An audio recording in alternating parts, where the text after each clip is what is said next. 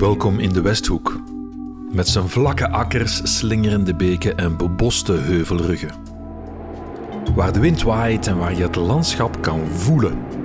Ook dat van vroeger.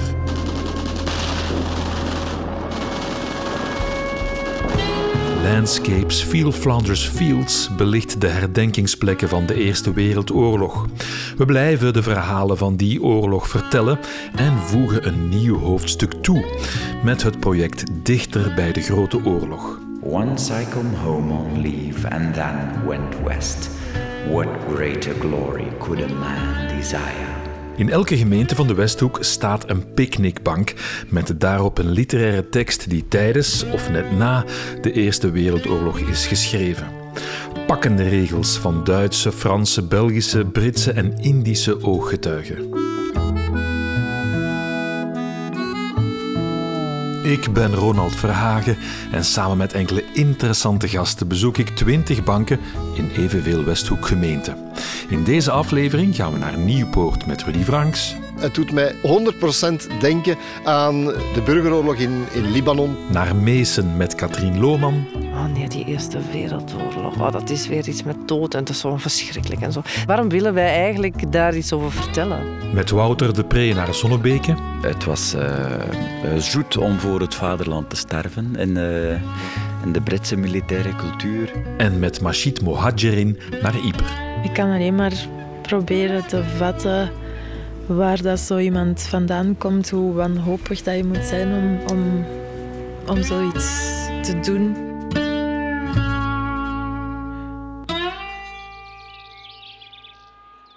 En de eerste stop is dus Nieuwpoort. Het water staat laag nu, hè, dus je ziet al die vogels hier in het slip zitten en naar, naar, naar wormen zoeken, veronderstel ik. Rudy Franks en ik staan bij de haven Geul, die de jachthaven van Nieuwpoort verbindt met de Noordzee. Het is eb en overal prima houten staketsels uit het water. Die staketsels die eruit staan, dat doet mij een beetje aan teloorgang en oorlog denken, hoewel dat natuurlijk niet is. Hè. En ik zie daar nog zo'n een wrak van een schip liggen of zoiets daar. Rudy is oorlogsjournalist, ook vandaag. Ons uitzicht is prachtig en het inspireert Rudy. Je ziet hier die, die vlakte, je ziet uh, de vuurtoren in, in de verte. Hè. Ja, dan, dan, ik, ik ben historicus van opleiding, dan, dan begin ik altijd te fantaseren. Dan zie ik daar oude strandjutters rond te waren en zo. Nee, het is een fantastische plek. Hoor. En een super historische, want ja, hier begon echt het Westfront. Hè, en dat liep dan ja. 750 kilometer tot uh, in uh, Zwitserland. Ja, ja, of de Italiaanse bergen. Daar en dan nog verder. Ja, ja, ja, tuurlijk. Zeker, hier hebben ze dan waarschijnlijk met het water zitten spelen, zeker? Hè? Ja, hier hebben ze dan de, de sluizen opengezet, waardoor de polders onder water kwamen. En dus de Duitsers die kwamen eigenlijk van het noorden en die dachten van hieruit door te steken richting Frankrijk en Parijs. Maar omdat ze dan op het water zijn gestoten, zijn ze dan moeten ombuigen richting Ypres. En daar zijn ze vastgelopen. Hè. Wel, ik heb hetzelfde gezien. Ja, dat is nu een keer mijn job. Toen twee jaar geleden met het begin van de oorlog in Oekraïne. Boven Kiev hebben ze eigenlijk ze hebben geleerd waarschijnlijk van, van wat hier gebeurd is. Hè. Ze hebben daar ook het water, alleen een aantal dammen doorgestoken, waardoor een heel groot gebied tussen Kiev en uh, Wit-Rusland, van waar de Russische troepen oprukten, ook onder water gezet. Waardoor die Russische ah, ja. tanks eigenlijk door de bossen moesten gaan en zich vastgereden hebben en vernietigd zijn. Dus voilà, l'histoire se répète. Picknickbank bevindt zich net achter ons in een parkje met speeltuigen. Op de bank een tekst van Stefan Zweig, de beroemde Oostenrijkse schrijver. In 1928 maakt hij een reis door de Westhoek voor de krant Berliner Tageblatt. Zijn hoofddoel is het vernielde Yper, maar hij stopt ook in Nieuwpoort. Hij had gehoord dat ook deze stad in puin was gelegd. Maar dat klopt niet, zo blijkt. De stad is intact. Tot Schweik plots beseft dat het allemaal nieuw is, heropgebouwd. En dat is vreemd, schrijft hij. Sonderbar, sonderbar, wie sauber sie sind. Die Altenstrasse, sonderbar. Wie neu und blinkblank, die Hauser, sonderbar. Het voelt vreemd. Alles is zo schoon. De straten, de markttoren, de lieve vrouwenkerk. Tot men beseft dat alles nagelnieuw is. Dit is niet meer Nieuwpoort, maar een duplicaat van Nieuwpoort. Niet meer Nieuwpoort, zonder een facsimile, een duplicaat van Nieuwpoort. Hij gaat op zoek naar, naar de vernieling, hè, want ja, je had zo'n soort van oorlogstoerisme, vrees ik, ook in die tijd na de oorlog. En ja, ja Diksmuiden, de Ieper, Ieper was kapot, maar Nieuwpoort had hem dat ook verwacht en blijkbaar was het gewoon nieuw opgebouwd. Een soort van kopie, een zieloze stad veronderstel ik. Ja, je kunt je dat niet inbeelden als je er nu staat, hè, want nu is het hier prachtig, vind ik. Maar... Hij vindt het een soort spookstad voor hem, dus hij, keurt het wat af. Hoe, hoe sta jij er tegenover als jij het zo ziet? Wel, toen, ik kan me dat perfect inbeelden. Het doet mij 100% denken aan, ik weet niet of je dat nog herinnert, maar de, de burgeroorlog in, in Libanon tientallen jaren kapotgeschoten, het, het hart van de stad. En ik ben er naartoe gegaan toen ze plots, Solidair heette dat zo'n groot vastgoedimperium, die dat met puin van de oude stad heropgebouwd heeft. Perfect nieuw maar zieloos, totaal zieloos. Het zag er zo schoon uit, hè? maar zieloos. Het hart van Beirut, van het oude Beirut, was, het leefde niet meer. En dus ik kan me dat perfect inbeelden. Het is trouwens nu ook gewoon een beetje teloor gegaan wegens... Ja, mensen gaan daar niet naartoe waar geen ziel is. Hè?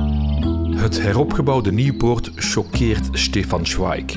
Hij schrijft: De stad is een dubbelganger van zichzelf, die op klaarlichte dag slaapwandelt met nieuwe stenen, haar oude leven huichelend.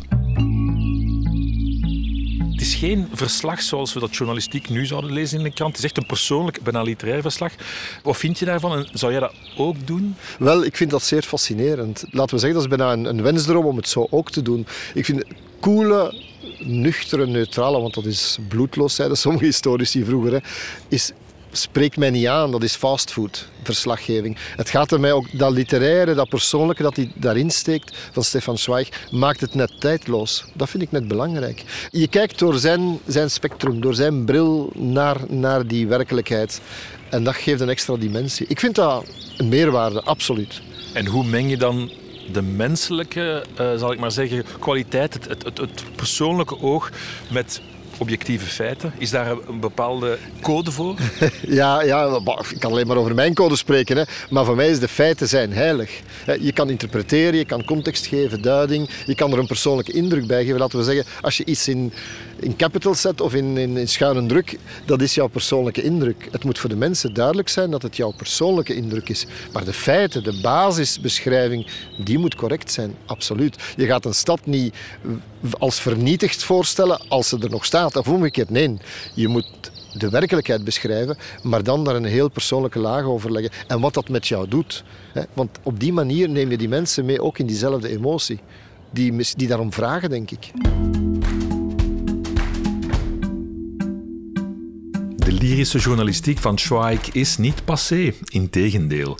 Dat vindt ook schrijver Roderick Six, geboren en getogen in de Westhoek. Hij koos de literaire teksten op de picknickbanken. In deze podcast geeft hij telkens uitleg bij de auteur of de plek. Terwijl hij aan het woord is, ga ik naar de andere kant van de Westhoek, naar Meesen. Meesen, oké. Messin of zoiets, zeggen ze in het Duits. Daar heb ik afgesproken met Katrien Lohman. Maar dus eerst Roderick. Stefan Zweig is een van de grootste schrijvers van de 20e eeuw. Misschien wel de grootste als je ziet welke genres die man allemaal bedreven heeft en zelfs heeft uitgevonden. Zijn lyrische journalistiek leest nog altijd even fris en iedereen zou de wereld van gisteren moeten lezen. Twee wereldoorlogen heeft die man gedocumenteerd. En uiteindelijk heeft de dubbele verwoesting van Europa zijn hart gebroken. Als Joods auteur is hij voor het naziregime gevlucht en uiteindelijk heeft hij samen met zijn vrouw zelfmoord gepleegd in Brazilië. Een zeer tragisch leven heeft die man gehad, maar hij laat grootse literatuur na.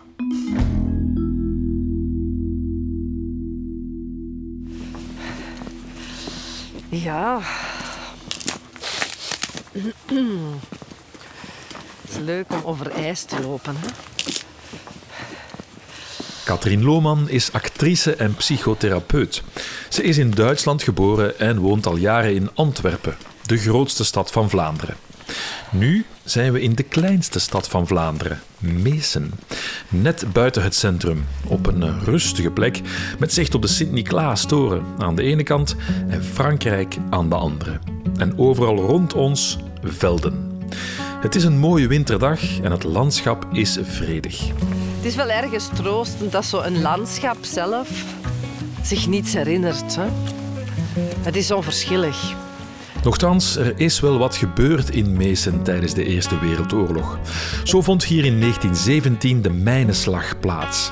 In de vroege ochtend van 17 juni brengen de Britten 19 grote mijnen tot ontploffing langs de heuvelrug. Op dat moment de zwaarste door mensen veroorzaakte ontploffing ooit. De weinige overlevende Duitse soldaten gaven zich totaal versuft over. De tekst op de picknickbank is van een Duitse soldaat, Hermann Stenner. Ik heb hier een brief van Hermann Stenner, geschreven in Mesen, Messin, op 14 eh, november 1914. Liebe Eltern, gestern Abend bekam ich euer großes Paket vom 21. Oktober. Das erste, das ihr abgeschickt habt, habe ich bis jetzt nicht erhalten. Wir sind immer noch in Messin, gehören augenblicklich zur Belagerungsarmee von Ipan. In einem Kloster, van dem nur noch die Keller heil geblieben. Lieve ouders, dank je voor het pakket dat jullie stuurden. Ik schuil met mijn medesoldaten in een kelder van een kapotgeschoten klooster. We openen de pakketten bij het licht van een petroleumlamp. Het is gezellig, zoals kinderen bij een kerstboom. Maar ondertussen slaan buiten de granaten in en liggen dode kameraden op het slagveld. Je wordt hard en ruw in de oorlog. Man wird hart und rau im Krieg.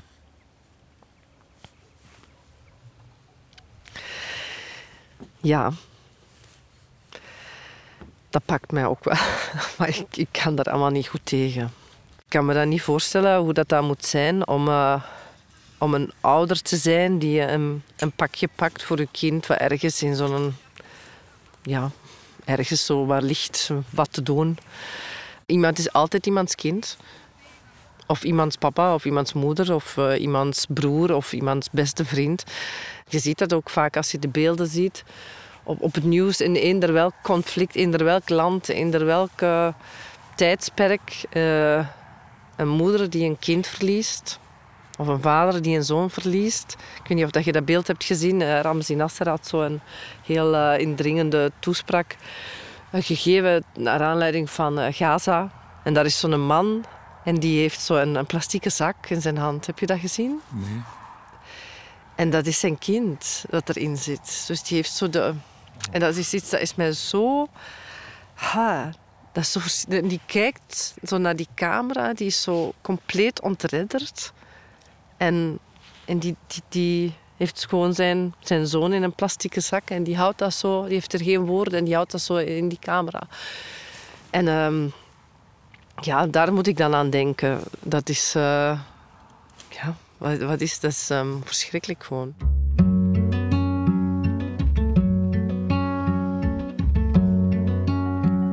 Herman Stenne was een jonge, talentvolle kunstschilder uit Bielefeld en expressionist. In zijn korte carrière maakte hij bijna 300 schilderijen. Hoe komt zo'n Herman Stenne, een kunstzinnig man, in de oorlog terecht?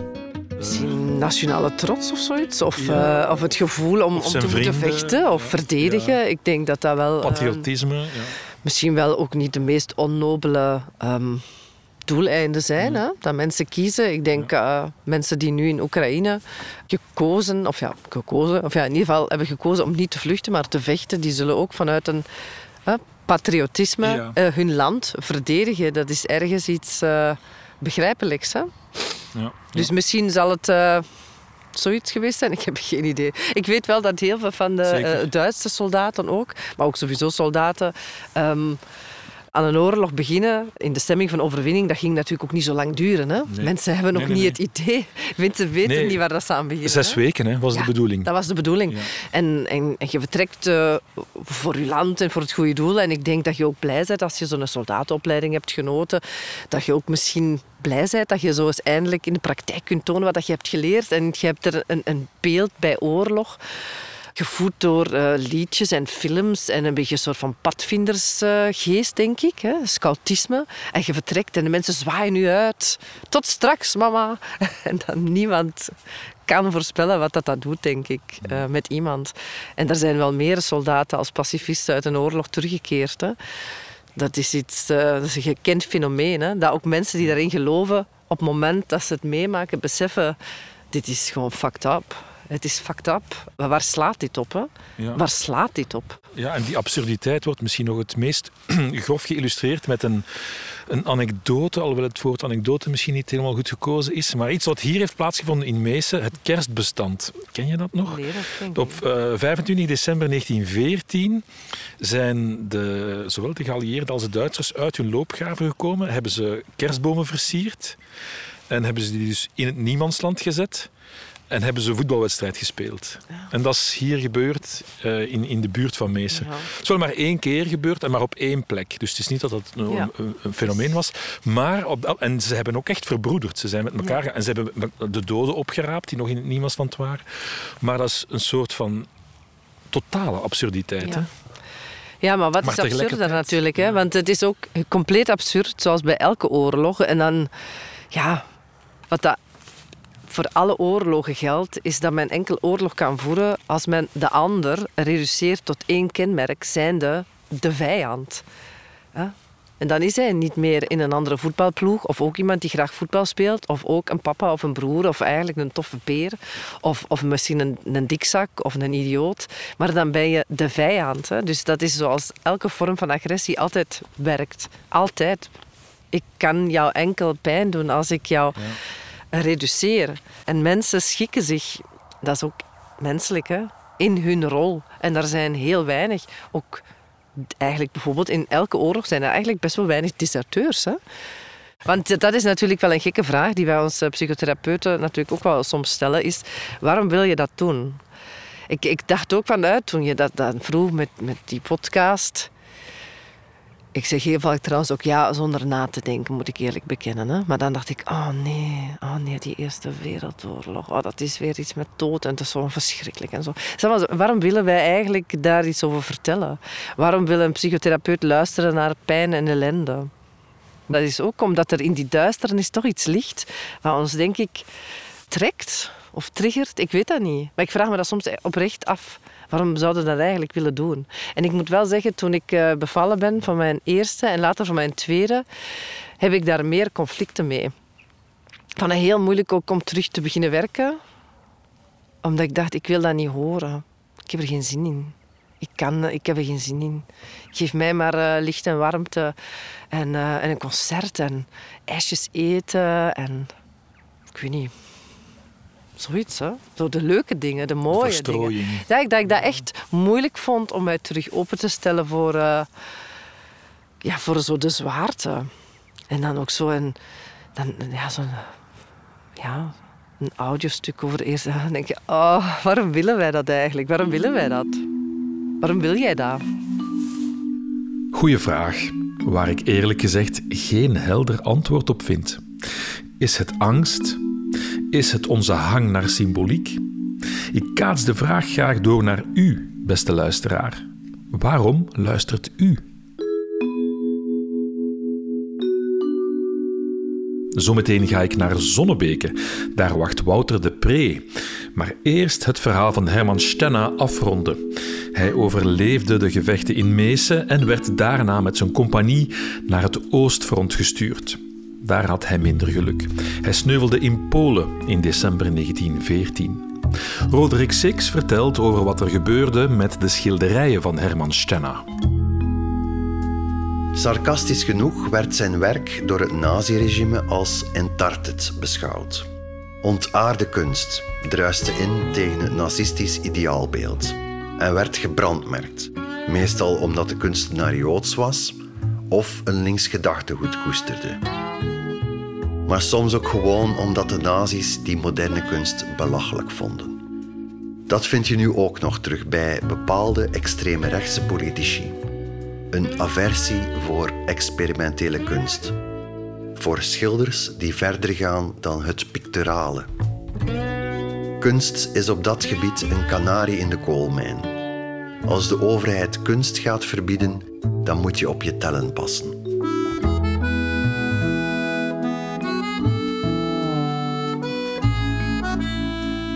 Zonnebeke. Comedian Wouter de Pre is van deze streek. Hij groeide op in Geluwe, deelgemeente van Wervik, niet ver van hier. Daar gaan we in een volgende aflevering nog naartoe. Nu lopen we langs de buitenmuur van het bekende Tynecott Cemetery, de grootste Commonwealth begraafplaats op het vasteland. Ongeveer 12.000 soldaten liggen hier begraven, stille getuigen van de slag bij Passendalen. Wouter wrijft met zijn hand over de buitenmuur.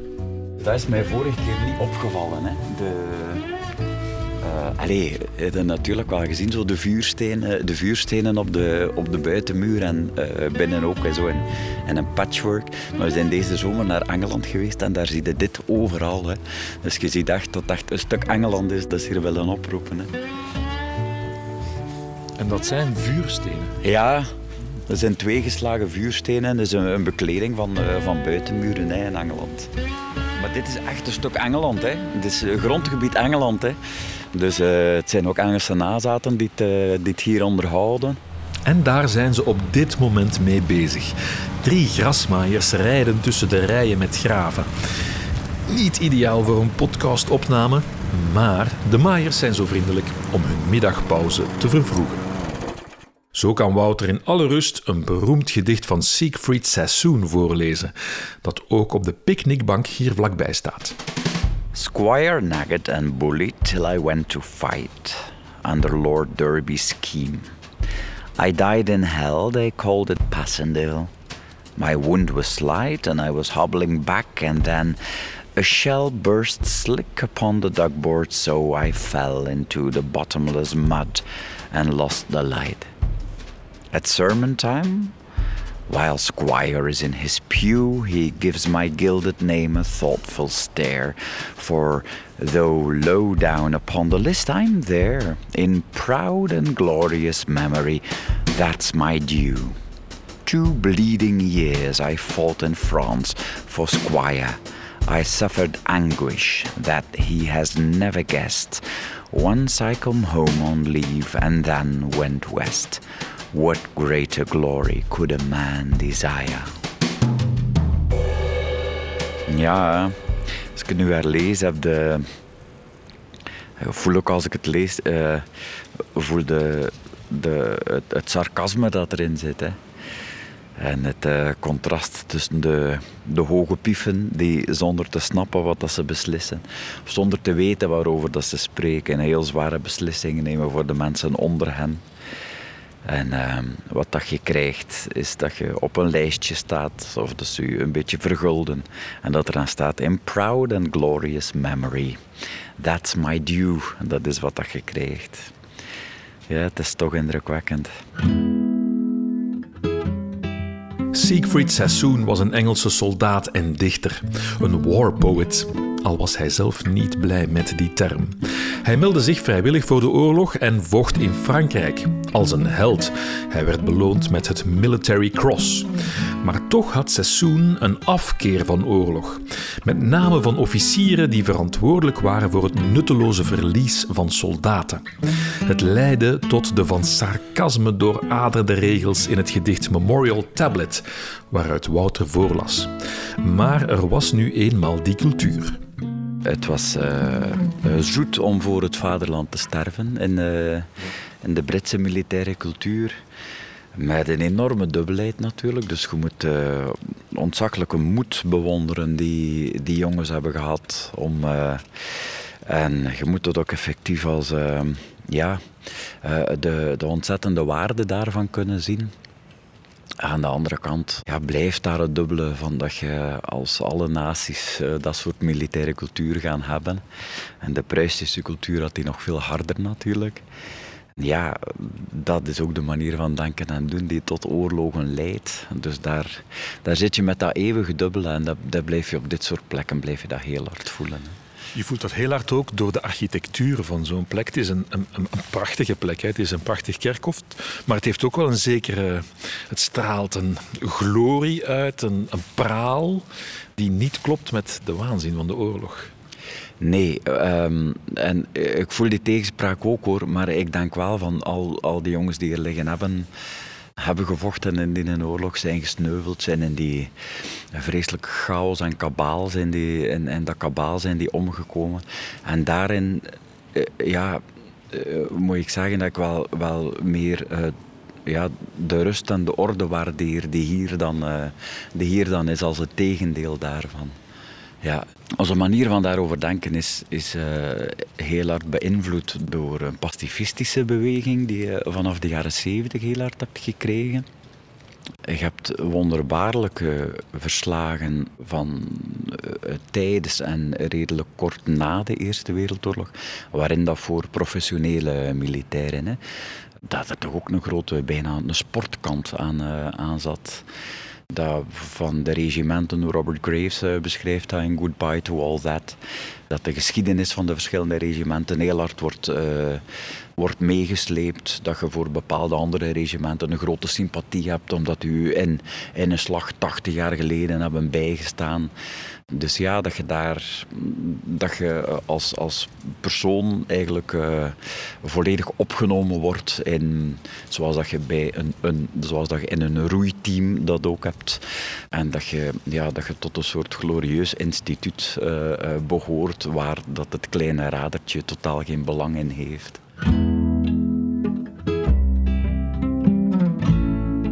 Siegfried Sassoon was geen fan van de pracht en praal van herdenkingsmonumenten. Hij was aanwezig bij de inhuldiging van de Menepoort in 1927 en schreef daarna deze regels. Well might the dead who struggled in the slime rise and deride this sepulchre of crime. Mogen de doden die worstelden in het slijm opstaan en dit graf van misdaad bespotten. Maar met de blik van vandaag brengt Wouter wel begrip op voor het eerbetoon en ook Roderick Six sluit zich daarbij aan. Toen ik in Yper school liep, was de Britse aanwezigheid in de straten doodnormaal. Elke dag hoorden we Engels praten in de straten. Elke dag passeerde ik langs de Menepoort om naar school te gaan. Zelf ben ik niet zo patriotisch aangelegd, maar de Britten weten wel hoe ze hun voorouders moeten eren en herdenken hoe mooi die graven onderhouden worden.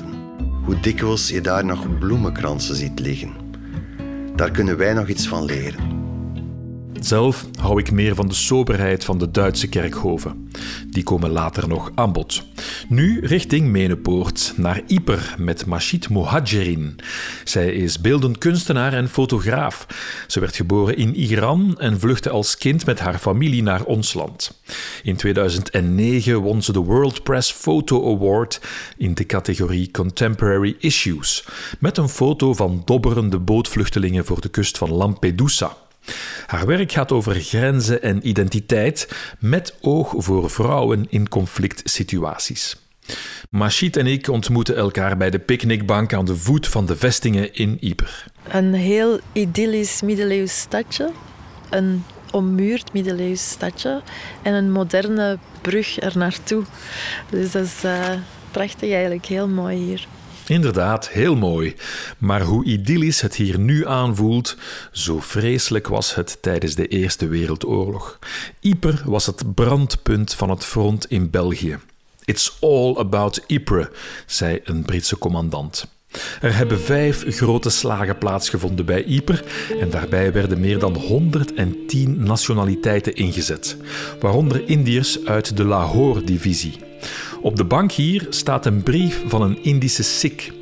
De enige geschreven bron van de aanwezigheid van Sikhs tijdens de Eerste Wereldoorlog in België. The King of England wired us. You must go tonight. Valiant men of India, you must know how to fight. Take the Ypres trenches. Take Hill 62. Let Lahore Division show what it can do. Off we march as quickly as our feet can go. See us in the morning, opposite the foe. Fix up a machine gun. We may run away. All alone, it can eat up a regiment a day. Heel ironisch dat dat rijmt, vind ik. Het lijkt bijna een versje zo op school opzeggen of zo. Hè? Maar dan een heel gruwelijk vers. Ja. Ehm, normaal zijn ze toch iets opbeurender, denk ik, dan, dan dit. Kan je je inbeelden wat het moet geweest zijn voor iemand, een Indiër, die hier terechtkomt opeens in de Westhoek in 1915 en uh, in de klei moet vechten voor een land dat niet eens het zijne is? Ondenkbaar eigenlijk. Um, ik kan alleen maar proberen te vatten waar dat zo iemand vandaan komt, hoe wanhopig dat je moet zijn om, om, om zoiets te doen of te willen doen. Want ik neem aan dat ze niet gedwongen zijn om dit te doen. Um, maar dat weten we natuurlijk niet. Vermoedelijk wel, denk ik. Hè? Uh, omdat ja, ze waren koloniale troepen. En de, de, zowel de Britten als de Fransen hadden, en de Duitsers ook, hadden gewoon soldaten nodig. Want het, ja, je ziet eigenlijk hetzelfde nu ook gebeuren in Rusland. Op een andere manier natuurlijk. Maar Rusland haalt ook de meeste van zijn soldaten die het gebruikt in de frontlinies uit ver afgelegen deelstaten van Rusland. Omdat die nu waarschijnlijk makkelijker gewoon inzetbaar zijn en er minder reuring is als, uh, als die sterven. Mm Triestig toch? Dat dat nu nog steeds gebeurt. Dat is het inderdaad. Honderd jaar later blijft blijven we dingen op min of meer dezelfde manier, maar in een nieuwe vormgeving uh, opnieuw doen. Ja. Al in oktober 1914 kwamen de eerste Indische soldaten aan. Ze werden ingezet in de loopgraven bij Wijtschaten en Meesen. Een maand later trokken ze naar Frankrijk om dan in april 1915 terug te keren naar Ypres. Als versterking voor de Britten en Fransen die veel verliezen hadden geleden bij de eerste gasaanval door de Duitsers. Ik heb een boek bij en toon Machit een foto. Een foto van Indiaanse soldaten met ja, een soort gasmaskers aan. Hè? Ja, het is moeilijk om u voor te stellen dat, uh, dat dit hier heeft plaatsgevonden. En je ziet ook, ja, ze noemen het gasmaskers, maar ja, het is meer zo, het lijkt op, op, op wat een imker draagt. Hè. Ja, absoluut. Het is helemaal onvergelijkbaar met wat we nu uh, gasmaskers noemen, maar volgens mij hadden ze toen al wel goede gasmaskers. Dat weet ik niet precies, maar in elk geval zeker niet ter beschikking. Dat heeft even geduurd. ja, ik denk dat, dat ik er een heb van Wereldoorlog 2. Maar nu weet ik niet meer juist hoe dat ze eruit zagen in Wereldoorlog 1. Ook wel interessant om te kijken hoe dat ook toen koloniale krachten werden ingezet. Uh, nu zijn het meer proxyoorlogen die ook plaatsvinden op ander territoria. En ja, het blijft zich maar verder zetten. Tussen 24 april en 1 mei 1915 verliest de Lahore-divisie rond Ypres 3889 soldaten, een derde van het totaal.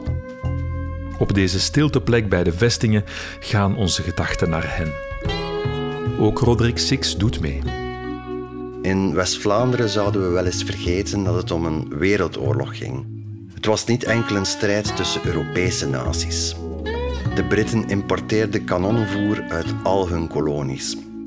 Hoe absurd moet het geweest zijn voor een Indiër om in de Westhoek terecht te komen?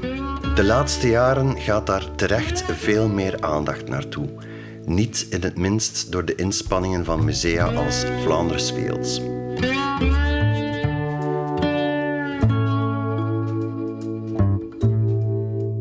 Dit was de eerste aflevering van Dichter bij de Grote Oorlog in het kader van het project Landscapes Feel Flanders Fields van Westtour en Toerisme Westhoek.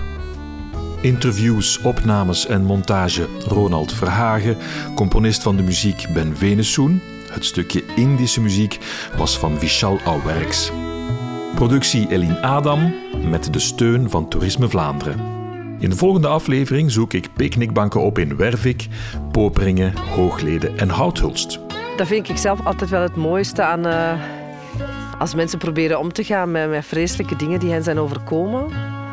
Dat er dus blijkbaar wel zoiets is als een menselijke behoefte om schoonheid of betekenis of zin te geven aan iets wat schijnbaar lelijk zinloos en betekenisloos is. Kom zelf ook eens kijken naar één of meerdere literaire teksten op de picknickbanken. Een moment om te bezinnen, midden in het prachtige landschap van de Westhoek.